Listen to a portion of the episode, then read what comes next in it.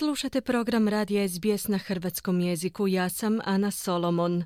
Okrećemo se sada australskim aktualnostima, a naša prva tema govori o jednoj promjeni koja će u životima Australaca nastupiti zbog smrti kraljice Elizabete II. Australci nikada nisu poznavali decimalnu valutu bez portreta kraljice Elizabete II na njoj, ali od sljedeće godine nove će kovanice nositi portret novog kralja Charlesa III. Prilog Emme Calloway pripremila je Mirna Primorac. Lice kraljice Elizabete II. već se desetljećima nalazi na poleđini svakog australskog novčića, ali od iduće godine na njima će se nalaziti portret kralja Charlesa III. Pomoćnik ministra financija Andrew Lay najavio je utorak planove kraljevske australske kovnice da pokrene tu promjenu. Queen Elizabeth II first appeared on Australian coins when those coins were pence and shillings. And so it will be a remarkable moment when Australia moves from having not a queen on the coins, but a king. Kraljica Elizabeta II. prvi put se pojavila na australskim kovanicama kada su te kovanice bili peni i šilinzi. Biće to izvaredan trenutak kada Australci prijeđu na nove kovanice s portretom kralja Charlesa, kazao je. Prvi korak je da se kraljevska australska kovnica konzultira sa britanskom kovnicom kako bi dobila portret kralja Charlesa III. Buckinghamska palača će zatim odobriti sliku, a bit će i testiranja prije pokretanja proizvodnje. Očekuje se da će novi novčići stići do australskih banaka, džepova i torbica građana negdje sljedeće godine, ali kovanice koje su trenutačno u optjecaju i dalje će se moći koristiti i ostaće zakonsko platežno sredstvo u budućnosti.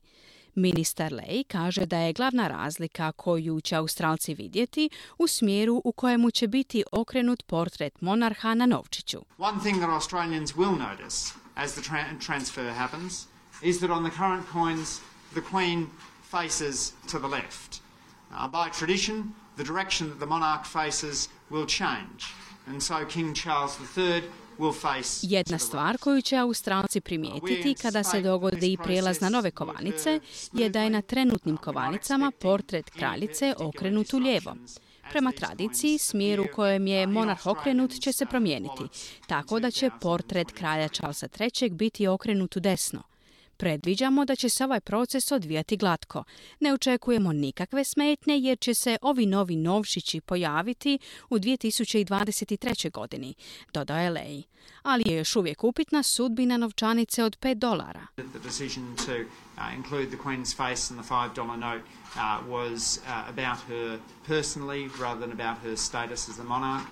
so that transition isn't automatic. Odluka o uključivanju kraljičinog lica na novčanicu od 5 dolara odnosila se na nju osobno, a ne na njen status monarha, tako da prijelaz nije automatski, dodao je Lej. Hoće li se ta novčanica promijeniti i ako hoće, tko će zamijeniti kraljicu, odlučit će današnja vlada.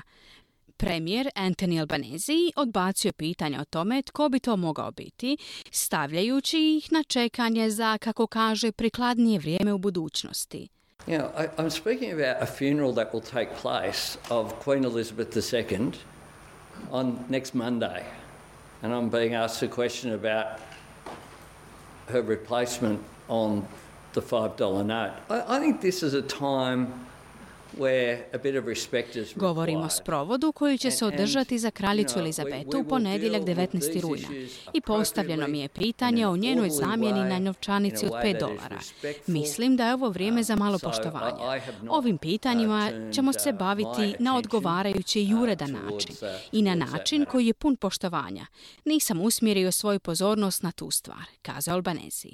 Dolazi u pitanje i potreba za kovanicama u rastućoj ekonomiji digitalnih transakcija.